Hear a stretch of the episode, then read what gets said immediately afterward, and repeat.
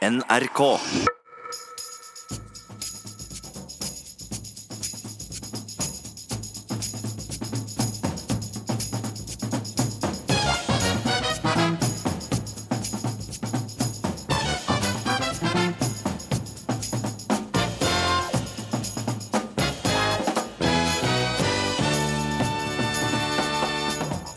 Offentlige henrettinger har i alle tider vært en forlystelse for folk. Nå ser vi det i form av massiv mediedekning, mener professor i psykologi. Ber alle roe seg ned i omtalen av Trond Giske. Han er en mulig framtidig statsminister i Norge. Vi må omtale denne saka så grundig, svarer VG. Ulvemotstandere brenner klær fra turtøyprodusenten Stormberg fordi de gir penger til WWF, Verdens naturfond.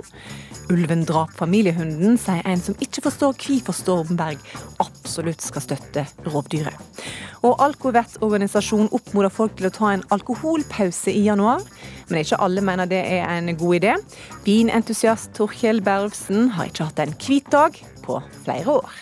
Den måten en vin kan komplementere måltidet og øyeblikket. De to går opp i en laftet, høyere harmoni, syns jeg. Velkommen til årets første ukeslutt her i NRK P1 og P2. Jeg heter Sara Victoria Rygg. Og vi starter sendinga, som så mange andre sendinger har starta før oss i 2018, med Trond Giske-saka. Siden rett før jul har norske medier altså vært fulle av ei bestemt sak, nemlig varslene om seksuell trakassering mot nestleder i Arbeiderpartiet, Trond Giske. Saka har vært prega av anonyme kjelder, men i går så sto den første varsleren fram med navn og bilde her i NRK.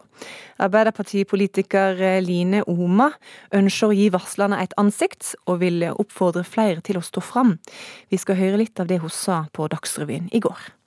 I romjula så bestemte jeg meg for at jeg skulle varsle om en episode som skjedde i 2010, eh, med uakseptabel oppførsel fra Trond Giske mot meg. Og Hva er grunnen til at du nå står fram?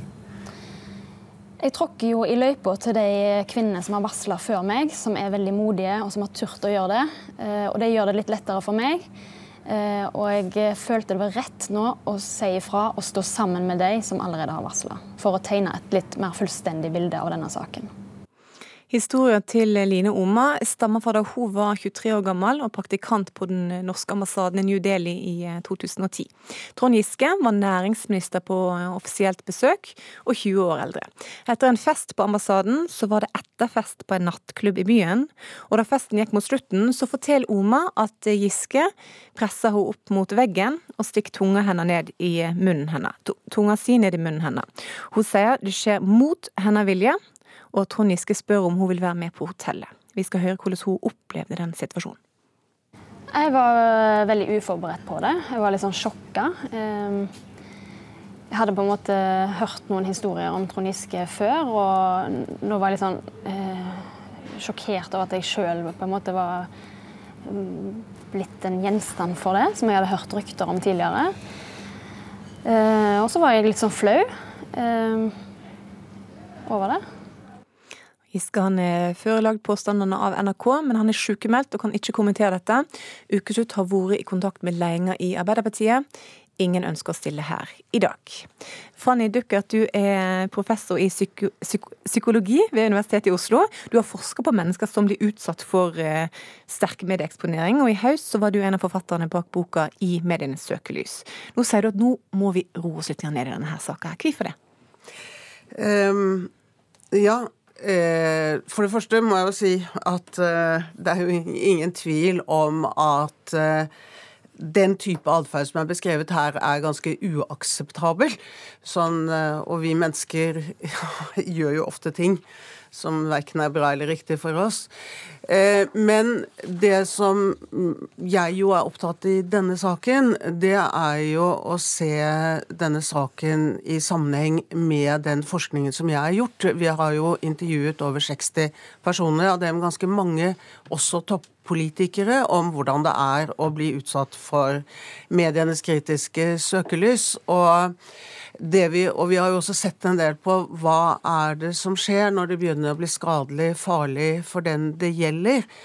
Og at vi kjenner igjen en del av mønsteret i hvordan denne saken også har vært håndtert i mediene, hvor, hvor man ser hvordan det starter opp med enkeltting, og så ruller det på, og så melder det seg på en masse aktører, og så begynner kommentarene, og så blir det en blanding av Her i denne saken har det jo vært veldig mye anonyme, både uttalelser og kommentarer, og, og så kommer man opp til et voldsomt trøkk, og, og, da begynner vi å se på en måte teatervirkemidlene. Altså, det er skjedd morals... Noen mener at det er sterke moralske overgrep. Man begynner å si at uh, her skal noen tas helt ut, og man begynner uh, og Pressen rigger det jo til med å ringe rundt uh, uformelle meningsmålinger, hvor mange av ordførerne mener nå at Altså at det blir en intensitet. Ja, Nærmer det seg nå en farlig situasjon for Trond Giske, sånn som du ser det?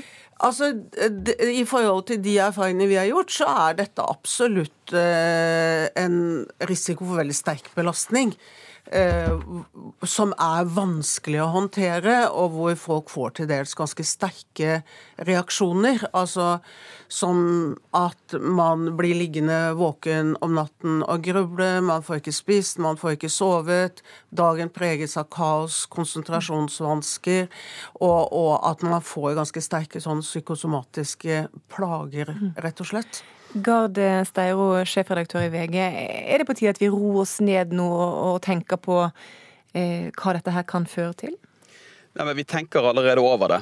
Altså, Jeg har stor respekt for Fanny Duckert. Jeg har lest boken hennes, og Fanny Duckert har òg vært eh, nylig i VG og holdt foredrag om eh, akkurat dette temaet med bakgrunn i boken sin. Og Dette er et tema som opptar oss sterkt. Det er ikke sånn at vi, vi går inn i dette blindt uten å ta, eh, ta, hensyn til dette og diskutere det. Det er daglig tema. Hvordan skal vi dekke Giske-saken? Hvilke hensyn skal vi ta til Giske? Hvordan skal vi forholde oss til hans pårørende? Hvilke hensyn skal vi ta de? Det er saker som legges bort. Vi vurderer ordlyd, vi vurderer billedbruk. Men så er det et annet perspektiv oppi dette som er viktig. Det er at Dette handler ikke bare om Giske. Det er andre personer involvert i denne saken som vi diskuterer like mye. Hvordan skal vi ivareta denne i denne ekstremt belastende situasjonen? Og det er varslerne. Hvordan skal vi sørge for at deres historier eh, blir behandlet skikkelig? Og Dette er en helt meget spesiell sak. For dette handler, dypest sett handler det om en gruppe kvinner som føler seg utsatt for seksuell trakassering, og har valgt å gå til Arbeiderpartiet og si fra om dette. Men så handler det òg om en strid i Arbeiderpartiet. Det er åpenbart en strid, muligens også en maktkamp. Og det er en kamp om definisjonsmakten. Og her får vi hele tiden nye omdreininger som gir saken ny dynamikk. Og det er senest Like over nyttår så går Trond Giske ut og sier at han er blitt utsatt for falske varsler. Det kommer For et par dager siden så kom det et notat, et internt, såkalt internt notat i Nettavisen, som gir en sminket versjon av det som har skjedd. Det gir saken ny dynamikk. Og det er jo utfordringen. det med å spørre Fanny Duckert, Hvordan skal vi forholde oss til dette, da? Når saken Det er jo ikke mediene, utelukkende mediene som driver denne saken fram. Denne saken drives jo fram av aktørene sjøl. Skal vi da ikke formidle hva som skjer? Mm.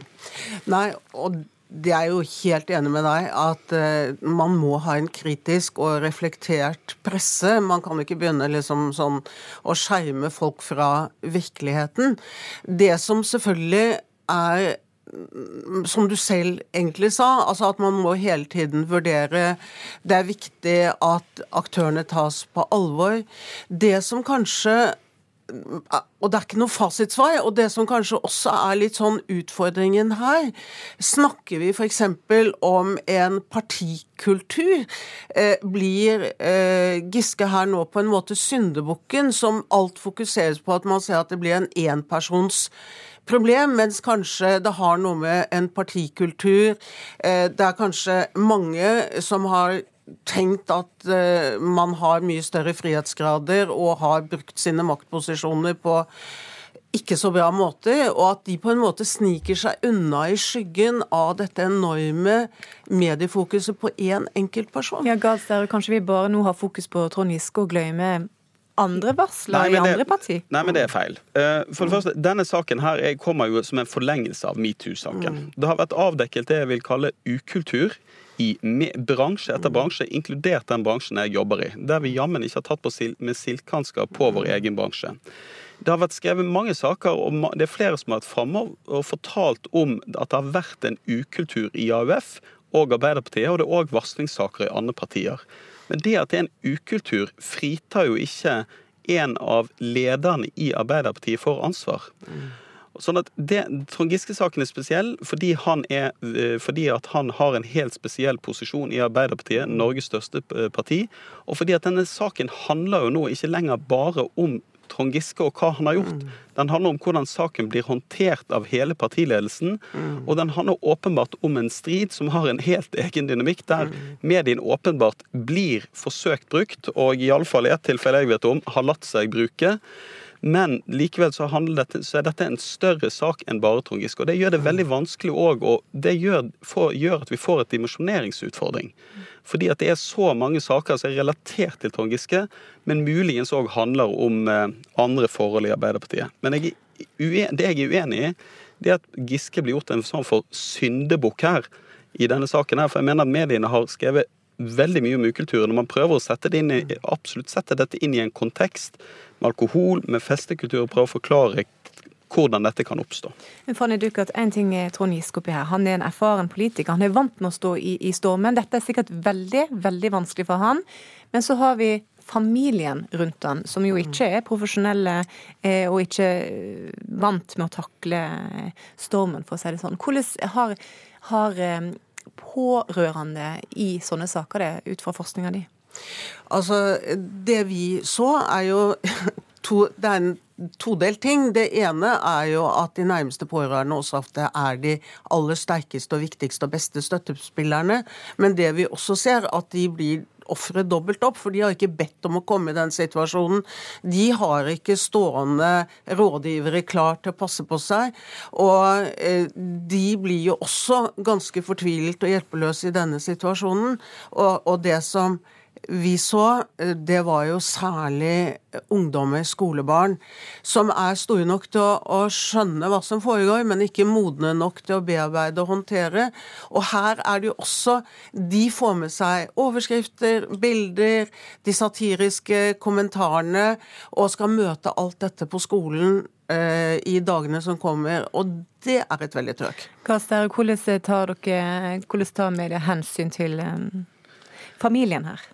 Det er veldig vanskelig. og jeg har, jeg har en forståelse for at denne saken er en enorm belastning for Trond Giske og alle som står han nær. Det, det, altså, det, det har jeg ingen problemer med å forstå.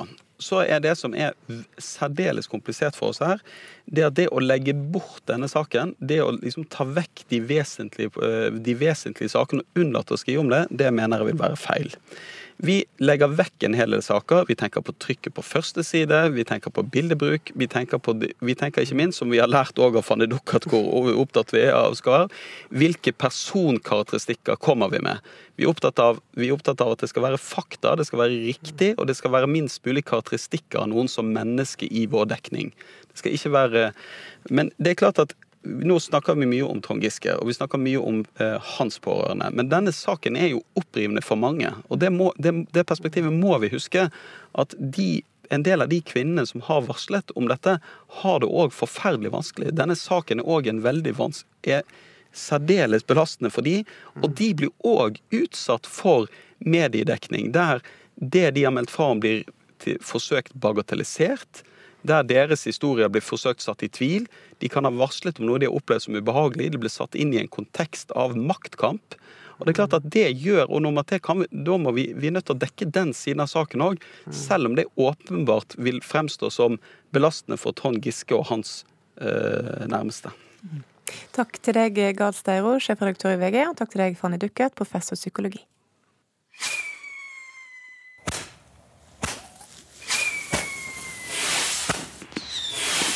Kanskje var du en av de som med da nyttårsrakettene lyste opp himmelen over deg, tenkte nei, nå er det nok champagne. Jeg skal ha som nyttårsforsett å drikke mindre. I så fall så er du smart, mener Alkovett-organisasjonen av og til. De mener nemlig at det er lurt å ta seg en hvit måned uten alkohol. Skal vi se, det er diverse eplemost. Eplemost med rabarbra. Det ville jeg egentlig ha tatt. Nei, vi er ikke på en fancy butikk som selger eplemost og syltetøykrukker. Vi befinner oss på Vinmonopolet. Og her, her flyter det med røde og hvite viner, sprit og konjakk, øl og sider.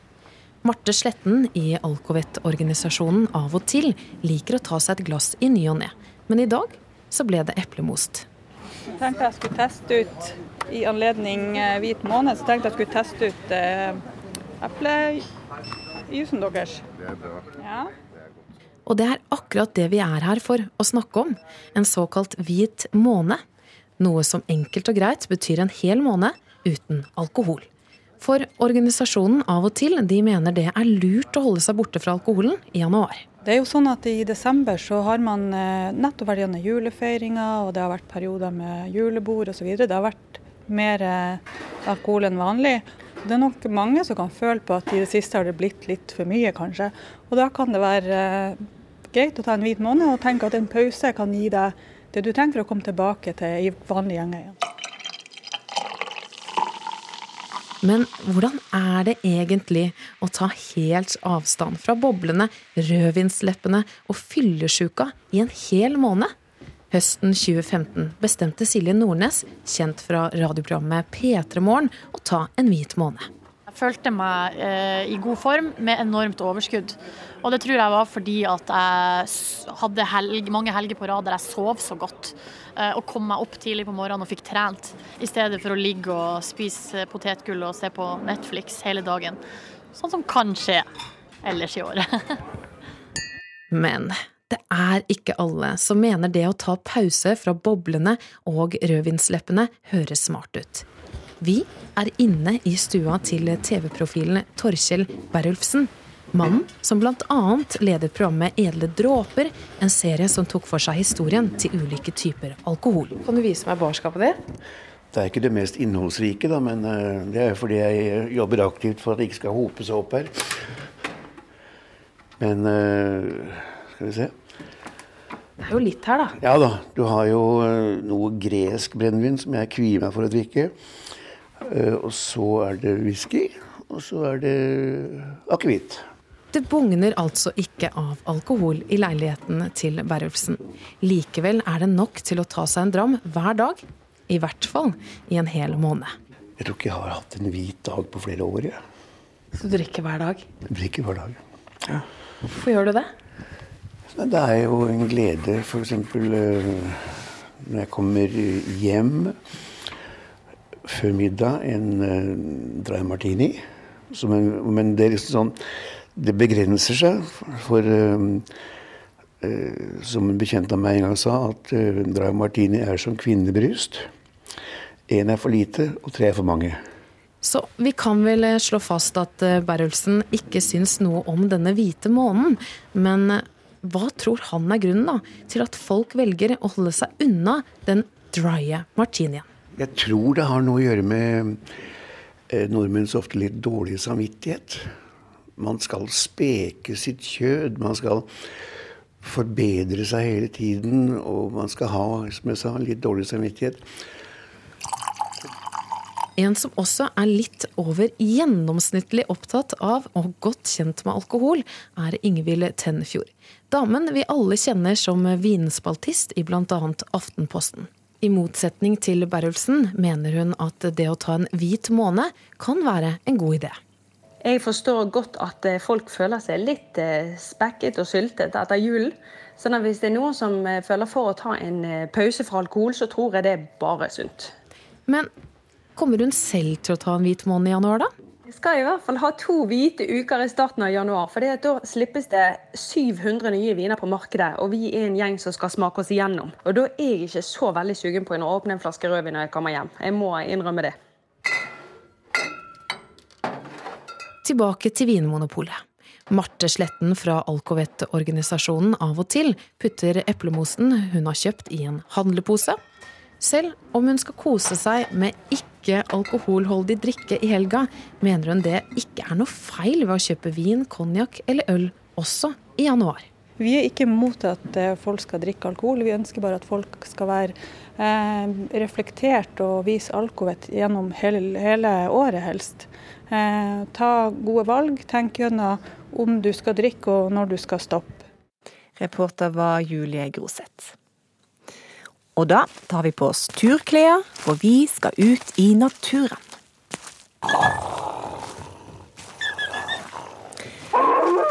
Denne veka ble det satt fyr på ulvedebatten igjen, bokstavelig talt. For samtidig som WWF Norge tapte saka mot staten og derfor ikke fikk stansa ulvejakta slik de håpte på, så brente folk klær fra turtøyprodusenten Stormberg. Årsaka var ifølge Dagens Næringsliv at Stormberg støtter organisasjonen WWF med penger. Pengene skal først og fremst gå til vern av den utrydningstruga hubrougla, men siden WWF altså også jobber for ulven, så mener mange motstandere at Stormberg har gått for langt. Og Det har ført til at flere altså har brent turklærne sine. Andre igjen har bestemt seg for å boikotte Stormberg. En av dem det er deg, Fredrik Sandviken. Nå hørte vi akkurat uh, ulvehyl her. Hva, hva kjensler dukker opp i deg når du, når du hører ulven? Nei, jeg har jo bodd hele livet på Rena i Østerdalen, og har helt siden ulven kom tilbake for fullt, har jeg hatt ulven tett på kroppen. Jeg har hatt uh, ulv på gårdsplassen som har tatt uh, hunden min. Uh, blitt nødt til å kjøre barn til bussen da vi ikke har turt å la de gå sjøl. Og de har også tatt ja, beitedyr, husdyr jeg har hatt. Så det um, Jeg og mange med meg er veldig lei ulven, rett og slett, og ønsker den bort. Og da ble du ikke lei av Stormberg òg, når de da støtter WWF med penger? Ja, altså når WWF eh, nå trenerer den saken her med å saksøke staten, og i, i tillegg vil ha mer ulv, og jeg vil ha mindre ulv, så blir det en kollisjon der. Og da velger jeg å ikke kjøpe klær fra Stormberg. Mm. Stormberg-gründer eh, Steinar eh, J. Olsen, du har tidligere skapt reaksjoner med ulike tiltak, f.eks. å ansette tidligere narkomane og innsatte i ditt eh, firma. Du har også en oppfordring i fjor om at personer som hadde gått i nazimarsj i Kristiansand, kunne jobbe hos dere om de ønsker det. Men ingenting har skapt så mye engasjement og klesbrenning, for å si det sånn, som dette her påfunnet nå. Ble du overrasket over reaksjonene? Ja, jeg ble egentlig det, fordi at eh, jeg tenker som så at det at eh, en turtøymerkevare som Stormberg eh, samarbeider med og støtter en naturorganisasjon som WWF for å hindre at planter og dyr som er utrydningstrua, faktisk blir utrydda. Det vil jeg tro at de fleste mente var positivt. Men det er klart det er et veldig mye følelser knytta til, til, til, rovdyr. Eh, og jeg syns det er veldig synd eh, selvfølgelig at Stormberg mister kunder som Fredrik og, og andre. Eh, vi, vi, lever av kunder, vi ønsker kunder. Samtidig så har vi et veldig engasjement for Stormberg i forhold til bærekraft. Vi, vi, vi, har et ansvar for oss å ta vare på det biologiske mangfoldet. Og Det er noe som vi ønsker å stå opp for, uavhengig av hvor mange kunder vi måtte miste, eller hvor mange som brenner uh, klærne fra Stormberg. Fredrik Sandviken, det er jo sånn at eh, Stormberg produserer turklær for å bruke naturen. Og naturen den består jo bl.a. av høye fjell, fjord, ulv og hubrogle. Er ikke det naturlig at de vil støtte arbeidet for naturmangfoldet? Jo, eh, det er jo det. Men eh, nå som den saken er så betent, så er det mange av oss ulvemotstandere på Østlandet og ellers landet som rett og slett bare sier nei til eh, de fleste organisasjoner og bedrifter som åpenlyst går ut og støtter WWF og andre organisasjoner som ønsker mer ulv. Og jeg tenker at eh, Hvis Stormberg nå har et brennende ønske for hubroen, så kunne de vel kanskje ha støttet en ornitologisk forening eller lignende som jobber mer direkte på hubroen, tenker jeg. Da hadde det ikke blitt så mye klesbrenning, kanskje, Olsen? Det kan godt være, men vi har et bredt perspektiv i forhold til dette med å ta vare på naturmangfoldet. Og vi har samarbeidet med Naturvernforbundet, og nå samarbeider vi med WWF, og det mener vi er veldig viktig. Og jeg har full forståelse for at Fredrik og andre som har hatt ulven tett for seg på, på tunet opplever en, en, en, frykt, naturlig nok. Og hvis det er ulv som eh, ikke skyr mennesker, så må en selvfølgelig vurdere hvilke tiltak som skal settes inn. Men jeg tror samtidig at eh, mange unødvendig frykter rovdyrene i naturen, og frykter ulven eh, også. Det er jo sånn at det er over 200 år siden en ulv i Norge drepte et menneske. mens det Årlig eh, dør dessverre mennesker i Norge som følge av vepsestikk, så vi må sette det i perspektiv. Og det er heller ikke sånn at vi mennesker har rett til å drepe dyr eller utrydde dyr som vi frykter. Eh, det er sånn at rovdyr har sin naturlige plass i naturen vår. Fredrik Sandvik, hva sier du til det?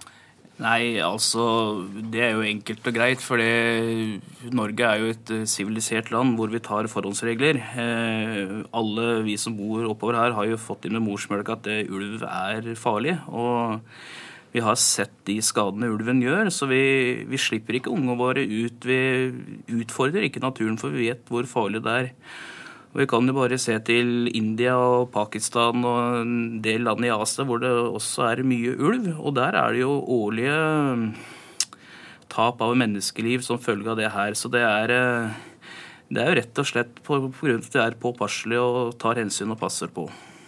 Nå er det jo sånn at det er flere som har brent klær fra Stormberg. Du er ikke like drastisk, eh, Sandviken, eh, boikott. Men hva, hva, gjør du med klærne dine nå? Nei, du, de klærne jeg har kjøpt og fått, de bruker jeg til det er oppbrukt. Og eh, jeg brenner ikke brukbare klær. Det, det syns jeg blir for dumt, og det har det er ingen miljøgevinst, dårlig økonomi. Så jeg bruker de klær jeg har. Jeg har flere stormerklær, og det er bra klær, og de bruker jeg til oppbrukt. Men øh, jeg kjøper ingen nye hvis det ikke tar en drastisk endring i saken her. Det er jo litt reklame der òg, men, men altså, Stormberg, hva, hva, hva, sier dere i Stormberg til at folk faktisk brenner klærne sine?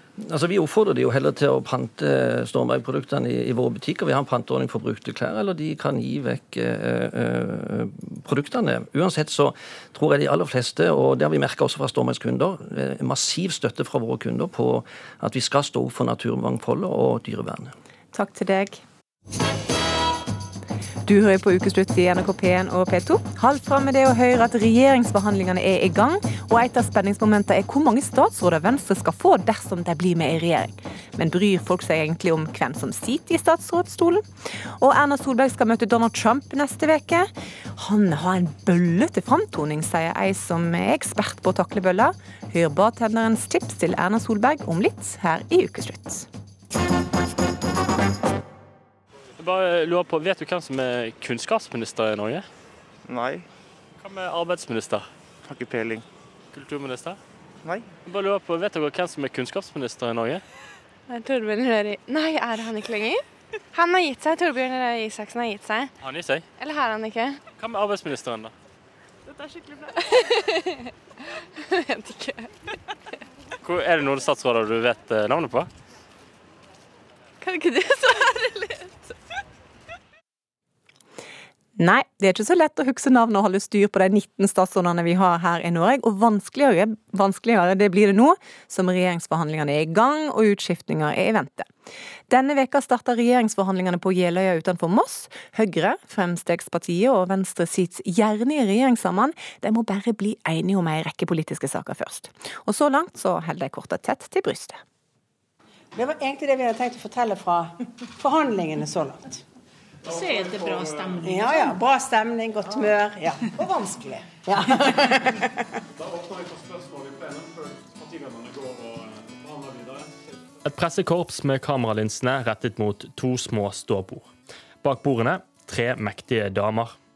Erna Solberg, Siv Jensen og Trine Skei Grande, partiledere i henholdsvis Høyre, Fremskrittspartiet og Venstre.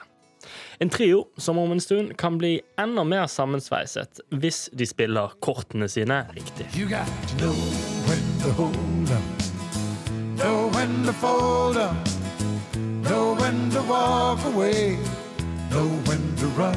Alle vil ha et regjeringssamarbeid, men foreløpig gjenstår det en del. Så er det jo sånn at uh, Vi er jo på dag tre av forhandlingene, og vi regner med å bruke lengre tid enn dette. Eh, så vi har, vi har, jo et grunnleggende prinsipp som heter at ingenting er klart opp før allting er klart. Og mens de tre stokker kortene sine og spiller spillet, kan pressen bare analysere og spekulere i stort og smått. Om man får gjennomslag som er så store og tydelige at uh, Trine Skei Grande kan overbevise sin partiorganisasjon. Da jeg var her nede på fredag, så fikk jeg en tekstmelding fra Solvik-Olsen, og han spurte hvordan sykkelforholdene var her, så han har åpenbart uh, tatt med seg sykkel ned hit til Moss. Det er lite å rapportere hjem om, men det finnes jo spillere som har vært med på dette før. Hvor vil du sitte? Jeg pleier forresten å sette gjesten her, fordi at da får Nei, sitt på.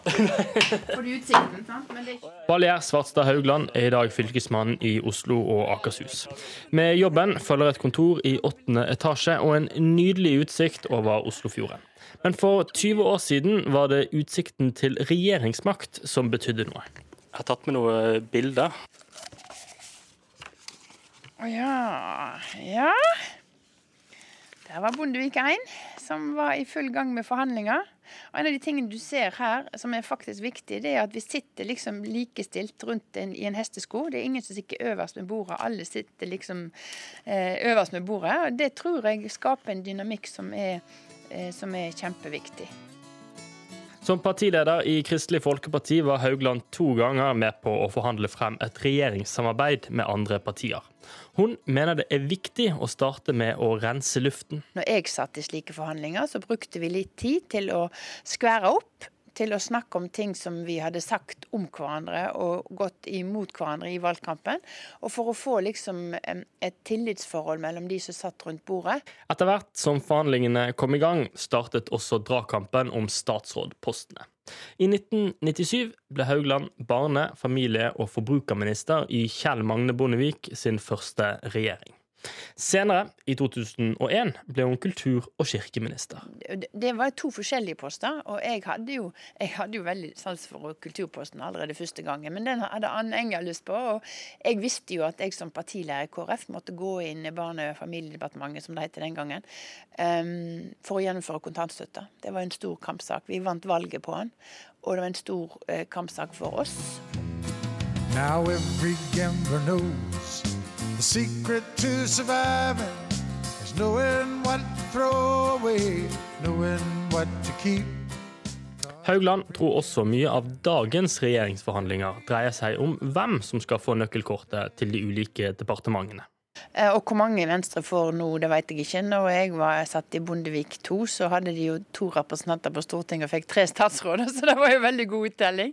Eh, De bør nok minst ha tre, mener jo jeg òg, i forhold til styrkeforhold mellom de tre partiene. De skal jo eh, gå inn i noen av disse statsrådspostene, og da må noen ut. Så Sånn sett så er det sikkert mange, òg i regjeringa, som i dag er spente på resultatet.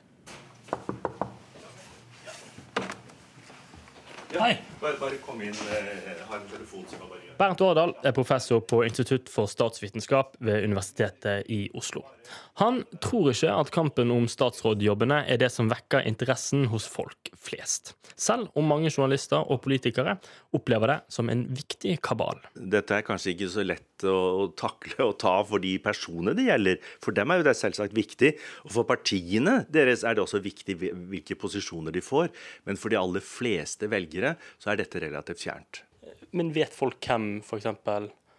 Ja, kunnskapsministeren er i dag? Det varierer ganske mye hvis du går ut og spør på gater og streder om de vet hva både kunnskapsministeren heter og miljøvernministeren osv. Så, videre. så tror jeg nok at du vil få mange som ikke, ikke vet. Vet du hvem som er kunnskapsminister i Norge? Å, oi. Nei, vet du hva, det vet jeg ikke. Nei, det vet jeg ikke. Jeg har ikke fulgt med på det nye, nye regjeringsskiftet. Vet du eh, navnet på noen andre statsråder? Eh, Uh, Listhaug. Um, ja. Ah, det vet ikke jeg. Kanskje halvparten eller noe sånt. Du, jeg bare lurer på, Vet du hvem som er kunnskapsminister i Norge? Nei, det har ikke jeg aning på. Hvem er arbeidsminister? Nei. Kulturminister? Nei. Ja, er ikke det Å nei. ja, jeg vet det. Vent, da. Nå må jeg bare tenke. Ja, Torbjørn Røe Isaksen. Hvem er arbeidsminister? Anniken Hauglie. Kulturminister? Linda Hofstad Helleland. Gjør det noe at folk ikke har oversikt? Nei, egentlig ikke. Eh, Jeg tror det er viktigere det er jo det som da kommer ut av slike prosesser. Altså I hvilken grad dette fører f.eks. da til en politisk kursendring, eh, til en spesiell satsing på visse områder osv. Det er nok noe som, som kanskje vil, vil sette seg å være viktigere enn akkurat hvilke personer som får, får hvilke posisjoner. Men hva synes egentlig en tidligere statsråd selv om at folk ikke er så interessert i han eller hun som legger ned alle disse timene i politikken? Nei, det forstår jeg egentlig. fordi jeg skjønner jo òg det når jeg snakker med vanlige folk, at det er ikke alle som er så engasjert som jeg har vært. Og jeg tror nok at de som er i det politiske livet, lever litt i en sånn, litt i en sånn boble om hva som er viktig, eh, og hva som ikke er så veldig viktig. Mens vanlige folk eh, har et litt mer avslappa forhold til disse tingene som vi som, som eh, folk i politikken syns er gysla viktig. Reporter her var Jarand Ree Mikkelsen. På onsdag skal statsminister Erna Solberg hjem på besøk til en ganske så mektig og omstridt mann. Solberg har vært i Det hvite hus før. Da besøkte Obama, men i jula kom meldinga om at nå hadde Donald Trump invitert. Det som er viktig for oss, er å fortelle ja, USAs president om uh, hva Norge og USA i samarbeid kan få til. I'm really rich. I'm a very smart person. I'm president, and they're not. Vi kommer til å understreke at for Norge er Parisavtalen viktig. Vil du oppfordre ham til å tre inn igjen? Jeg tror jeg skal, jeg tror jeg skal få lov å, å, både forberede meg til det møtet som nå er om 14 dager, og i tillegg eh, få lov å ha samtalen med han for jeg forteller alt hvordan samtalen skal være. Det sa statsminister Erna Solberg da besøket ble kjent i jula. Pre president Donald Trump er kjent for sine kontroversielle uttalelser, han tvitrer seint og tidlig, og han har en spesiell måte å helse på folk. Da han møtte Japans statsminister Shinzo Abe, så varte håndtrykket i hele 19 sekunder, underveis så bød Trump på lette klapp på statsministeren, i tillegg så dro han flere ganger i armen hans. Trumps oppførsel har av mange blitt karakterisert som bøllete. Så hvis vi legger det til grunn, hvordan skal Erna Solberg takle bøllen Donald Trump? Anne Maurseth, du har et yrke der du stadig vekk møter på bøller. Du er bartender. Hvor raskt får du øye på en bølle som kommer inn i baren din? Det er rart hvor synlige de er, altså. Det må jeg si. De har en persona og en framtoning som uh, ofte skinner uh, lang vei gjennom hele lokalet. Ja, hva, er klassisk for en bølle? De, de tar mye plass. Uh, gjerne uten å ha så mye å melde, ofte. Og vil gjerne først og fremst i køen. og ja, i det hele tatt. Men det, det, er mye energi å ta inn over seg. ofte liksom hva skal man si, påtatt positiv, men man ser at det er en sånn eh, underliggende kjip tone der. Ja. Men hvordan takler du da de her bøllene som du møter på jobb? Eh, for meg så er det to liksom hoved, eh, hovedmåter å takle det på. Det ene er å bli kompis så fort som mulig. Bare spotte ut den alfamailen i gruppa, for det er gjerne grupper med menn hvor man ser dette her fremtrer sterkest. Og det å bli liksom kompis, få med på laget ditt, så tar de litt styring, og så føler de at de spiller et slags uh, teamspill med deg, og da, da, er det lett å føre de i den retningen du selv har lyst til. Og hvis det feiler, så er det tante Sofie som uh, gjelder. Tante Sofie? Ja, rett og slett. Litt streng, da? Litt streng. Uh, er jo ennå litt i en alder hvor jeg blir ansett for å være hun unge frøkna bak bardisken. Og det å dra en litt sånn Kardemommeby Tante Sofie-holdning og sette de på plass med litt sånn bestemoraktig stramhet, det pleier å være ganske effektivt. Mm. Programleder og forfatter Petter Skjerven, du har skrevet boka 'Kroppsspråk'. Hvordan vil du takle, eller tolke kroppsspråket til Donald Trump når han møter andre mektige mennesker? Hvordan er han? Ja, det, det er jo, dette har jo vært gjenstand for veldig mye humor, selvfølgelig, og mye måping. Det er jo helt utrolig at en statsleder kan finne seg å opptre så halvtamt. da. Det er rett og slett uh, hans image å ikke være en del av denne skolerte, uh, sosialt intelligente, forståelsesfulle, lyttende personen. Skal, uh, han skal kjøre sin egen stil, og han har sin heiagjeng som elsker at han uh, tar altfor lange håndtrykk, som du nevnte. Det, det, altså, det, er jo et sosialt spill, dette. Det dreier seg om sosial intelligens. Hvor lenge varer et håndtrykk før det blir flaut, vanskelig, før du setter den andre i en kjempekjedelig posisjon? Altså, Den japanske statsministeren himler jo med øynene idet han slipper hånden, ikke sant? Han rykker folk ut av balanse. Folk må ta støttesteg fremover. Han myser med trynet, han sier sånne tomme 'thank you' med leppene ut i sånn, akkurat som han hjelper alle han møter. Han har en, en, en ja, altså det Ordet bølle er brukt her. Da. Han har en bøllete eh, atferd, og en bøllete atferd kan på mange måter i en bar antageligvis være uforutsigbar eller labil. Altså dette mennesket smiler og ler, men i neste øyeblikk er det plutselig slagsmål og, og håndgemeng. Der ligger jo ikke helt eh, Trump. Han er jo faktisk forutsigbar i sin, sin helt eh, merkelige opptreden. Så han er en fyr som, som gir faen, for å bruke et sånt uttrykk. Eh, og tenker at det er hans greie, og det, er, og det har han også en heiagjeng som står bak han og, og klapper for. Mm. Men ofte er det sånn at vi kan lese et menneske litt ut fra kroppsspråk. Eh, hvordan skal Erna Solberg forberede seg på å måtte møte denne mannen som har et kroppsspråk som kanskje er helt motsatt av det hun har? Ja, Nå blir det jo litt forutsigbart for henne, da. ikke sant? Nå vet jo hun at dette kraftige håndrykket kommer. og Hun vet jo, hun, hun husker også den episoden da Trump eh, banet seg vei på dette Nato-toppmøtet for å få stå ved siden av Jens Stoltenberg og en eller annen eh, baltisk president, jeg husker ikke hvem det var, en, en eh, president, annen president eller statsleder måtte vike eller ble skjøvet til side. Så det er liksom den type atferd hun kan forvente, da. Eh, nå vet jeg muligens ikke om det Erna blir møtt på samme måte, fordi han er vel en sånn kvinne-mann-fyr. Altså Han er sikkert sånn som kan tenke seg at her er det en kvinne, så her skal det håndteres litt annerledes. Det vet jeg ikke, men hun må jo være forberedt på det. At det kan bli litt sånn. Ja, Anne Merce, hvordan, hvordan tenker du man skal forberede seg? Jeg vet ikke hvor eh, politisk korrekt det her hadde vært, men det hadde vært utrolig morsomt å se henne ta hans hans holdning og hans fremtoning og gjøre det bare kjøre på med samme opplegg direkte mot han og sjekke ut hvordan det, det, det, det finnes en måte å battle dette håndtrykket på. For du har jo håndtrykk, ikke sant. Og så kan, kan, jo et håndtrykk være sånn som Trump gjør det, at han, han tar hånden, og så legger han den andre hånden som en slags velsignelse oppå begge hendene. Kanskje småklappe litt for å eie dette håndtrykket. Da kan Erna kontre med å strekke sin arm og ta ham på overarmen. Og så kan han eventuelt kontre med, med det igjen. og ta hans, altså Så kan de liksom battle seg oppover da, og på en måte eie til slutt dette håndtrykket. Mm. Den som da ender med å gå vekk fra kameraene inn til dette viktige møterommet og klappe den andre forsiktig på ryggen, har på en måte vunnet. Å oh, ja. La oss ha korsryggen nå, for å være helt sikker. Ja. så jeg kan henge meg på det. Det er kult hvis Erna gjør noe sånt. men, men tror dere hun står foran speilet og tenker sånn OK, jeg må ikke vike med blikket, jeg må øve meg på et solid håndtrykk. Jeg tror, jeg tror, Erna jobber med sånne ting. Ja. Men jeg vet ikke om hun gjør det, kommer til å stå og gjøre akkurat det du sa nå på hotellrommet like før. Det vet jeg ikke. Men uh, jeg, akkurat det jeg kjenner, jeg kjenner ikke de indre kretser der så godt at jeg vet ikke om de prepper hverandre på den måten. Men, men det, det er jo, hun er jo forberedt etter et år med ham i presidentstolen, så vet hun jo litt hva hun går til òg, mm. tross alt. Bør hun gå for tante Sofie? Eh, streng? Eller bør hun være litt mer kompis? Og, godt spørsmål. Jeg tror eh, kompis blir eh, tatt bedre imot på i hvert fall den sosiale mediefronten.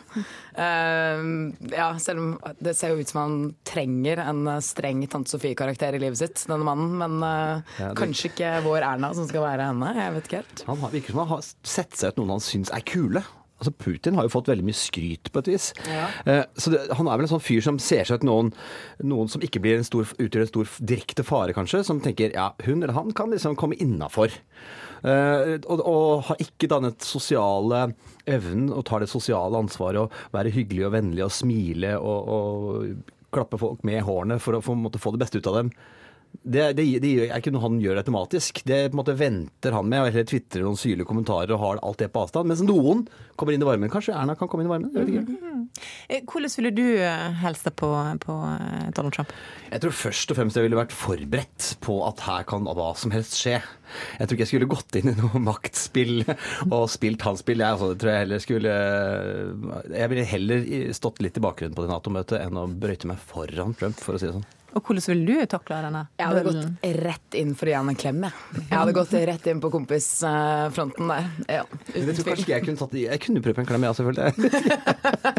jeg tror det hadde kommet unna med det. Ja, jeg tror det. Og Erna Solberg var selvsagt invitert til ukeslutt, men hun er som vi vet opptatt med regjeringsforhandlinger. Vi får likevel håpe at hun hørte på ukeslutt og fikk med seg gode råd på veien til Washington. Takk til deg, Anne Maurseth, og til deg, Petter Skjerven. Tidligere i sendinga så hørte vi at flere anbefaler en hvit måned i januar. Kanskje er det ditt nyttårsforsett, eller kanskje har du noen helt andre store mål for året, som å trene mer, ete sunnere, eller kanskje lese flere bøker. Men spørsmålet er hvordan en skal unngå å bryte nyttårsforsettet. Reporter Martin Giæver, du er med oss fra Hamar, og der er det idrettsgalla i kveld. Har du et nyttårsforsett? Du, kjære Sara. Jeg har jo vært og dekka sjakk i Saudi-Arabia og ikke drukket en dråpe alkohol. Så sånn hvit uke er jo ikke noe problem. Derimot holde seg unna banankaker og andre søtsaker. Litt vanskeligere, men da jeg kom hjem Begynte å trene selvfølgelig første og andre nyttårsdag, og har eh, tenkt at det får holde ei stund. Men så er jeg jo her sammen med Har du lyst til å høre liksom hvordan man skal holde nyttårsforsettene? For jeg har nyttårsforsett første uka, og så, gi, og Så så er det rett på spriten. Ja. Så, men så tenkte jeg, nå står jeg her med Helene Olafsen, som er eh, tidligere toppidrettsutøver, og som er um, programleder. Har du lyst til å høre fra henne? Gi oss oppskriften på hvordan vi skal nå målet for 2018. Ja, da skal jeg, jeg Jeg bare vil si at nå står vi i, da, inne i hallen, OL Amfi, og DDE spiller i bakgrunnen her. Så det er jo, det er jo lett å liksom tenke fest. Men Helene Olafsen, vi som da nå prøver å lage oss et bedre liv i 2018 enn i 2017, da det var bare fest og fyll. Hvordan skal vi klare det? Hvordan klarer toppidrettsutøverne å stå opp og trene dag etter dag etter dag? Jeg vet ikke om jeg på en måte har det endelige fasitsvaret på det. Altså, jeg har aldri hatt noe nyttårsforsett, egentlig. Men jeg, er liksom lite religiøs på den måten at jeg liker ikke ting som er veldig ekstremt. Da. Men jeg tror det er viktig å ha en plan. Eh, og så er det ikke så viktig om du alltid følger den, men om du følger den liksom stort sett. Hvis du har en plan, så er det mye lettere å følge den. Så det er liksom mitt tips. da. Legg en plan, tenk gjennom på forhånd, og så gjør så godt du kan. Og så er det jo koselig med en fest innimellom, da. Ja, og du kommer jo fra snowboardmiljøet. Kanskje ikke liksom de som er råest på å holde liksom være, være strengest med seg sjøl. Uh, nei, det er litt både og, tror jeg. Det er jo litt sånn uh, forskjellige krav i ulike idretter. Men noen ganger så tror jeg det kan være like viktig å liksom, eh, ta seg en pause i bakken og slappe av og samle energi til uh, andre ting. Det er ikke Altså, det er ikke alle er ikke toppidrettsutøvere, og det er godt er det. Eh, man må liksom eh, ja, ta det litt eh, liksom, Det er to, to, to, eh, totalbelastninga da, som er viktig. Ja. Men hvordan, hvordan klarer du å motivere deg sjøl liksom, når, når alt er kjipt og trist og mørkt og vanskelig? Og så sier du nei, jeg skal bli verdens beste, jeg må ut og trene. Hva, hva, er, liksom, hva er motivasjonen da? Motivasjonen er jo at du ser for deg, i hvert fall for meg, så har det vært å se for meg at jeg står der da, på toppen av pallen. Eh, Det er liksom det langsiktige målet. Og så den dagen det er tungt å komme seg ut, så pleier jeg å bare sette på litt god musikk, og så starte, og så bare ruller det derfra. Ja. Ja, så Hørtes ikke det ut som en god plan, å bare la det rulle derfra, Sara? Jo da, god musikk. eh, Da blir det lettere å nå målene for 2018. Takk for rådet, og kos dere på Idrettsgalla i kveld. Det er strålende. Takk skal du ha. Nå går vi inn til DDE og synger 'Rumpa di'! Og eh, i studio her har statsmeteorolog Bente Marie Wahl kommet, og du skal fortelle oss mer om ekstremværet Kora, som nå kommer til Trøndelag og eh, Møre og Romsdal. Ja, vi må snakke litt om det, for det kommer da inn en veldig, et veldig hissig lavtrykk. En kraftig da storm mot eh, Nordvestlandet. Det begynner å ta seg opp med vind i natt. Det er Møre og Romsdal Trøndelag som blir kraftigst ramma. Her vil det bli fullt til sterk storm, kanskje også orkan på kysten. Men kanskje det som blir aller verst, er vindkastene. Vinden begynner på sør-vest, og så vil den dreie opp på nord-vest. Og disse vindkastene kan komme opp igjen 30-40 meter i sekundet, og i Trøndelag kanskje helt opp i 45 meter i sekundet. Og det er ofte vindkastene som gjør, gir de største skadene. Hvis det er noen som husker tilbake, så kan man kanskje sammenligne med stormen eh, Ivar, for den var omtrent eh, samme styrke, da. Men eh, også Helgeland vil nok kortvarig få liten til full storm og kraftig vindkast. Også nord på Østlandet.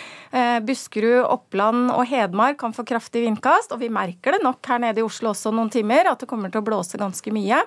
Og så må vi også ta med oss fjellet. Hvis man befinner seg i fjellet, som sikkert mange gjør siden det har vært fint vær på Østlandet her og dratt til fjells, kraftig vind, her blir det full storm og det blir snø og snøfokk.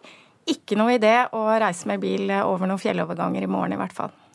Og for de som ikke blir eh, nødvendigvis råka av eh, Kora, de kan finne sitt værvarsel på yr.no. Ja, det, det er jo litt vær også nordover i landet. Der kommer det til å bli snøbyger og nord- og nordvest kuling, og det kan bli liten storm i Lofoten, Vesterålen. Også Finnmark og Troms kan få liten storm i morgen kveld. De som får det beste været i morgen, det er jo da Østlandet, selv om vi kan få litt snø nord på Østlandet, og kanskje også en og annen snøbyge i Agder, så blir det en del sol også innimellom. Takk til deg, Bente Marie Wahl. Ukeslutt er over for i dag. Ansvarlig for sendinga var Andrea Kvamme Hagen. Teknisk ansvarlig var Erik Sandbråten. Og i studio Sara Victoria Rygg. Straks på NRK P2 så kan du høre Røverradioen. Å bo på gata det er spesielt vanskelig nå om vinteren. Du kan høre Sandy dele sine erfaringer om gatelivet i Røverradioen nå på P2 straks. Takk for at du hørte på oss i Ukeslutt. Ha en riktig god helg.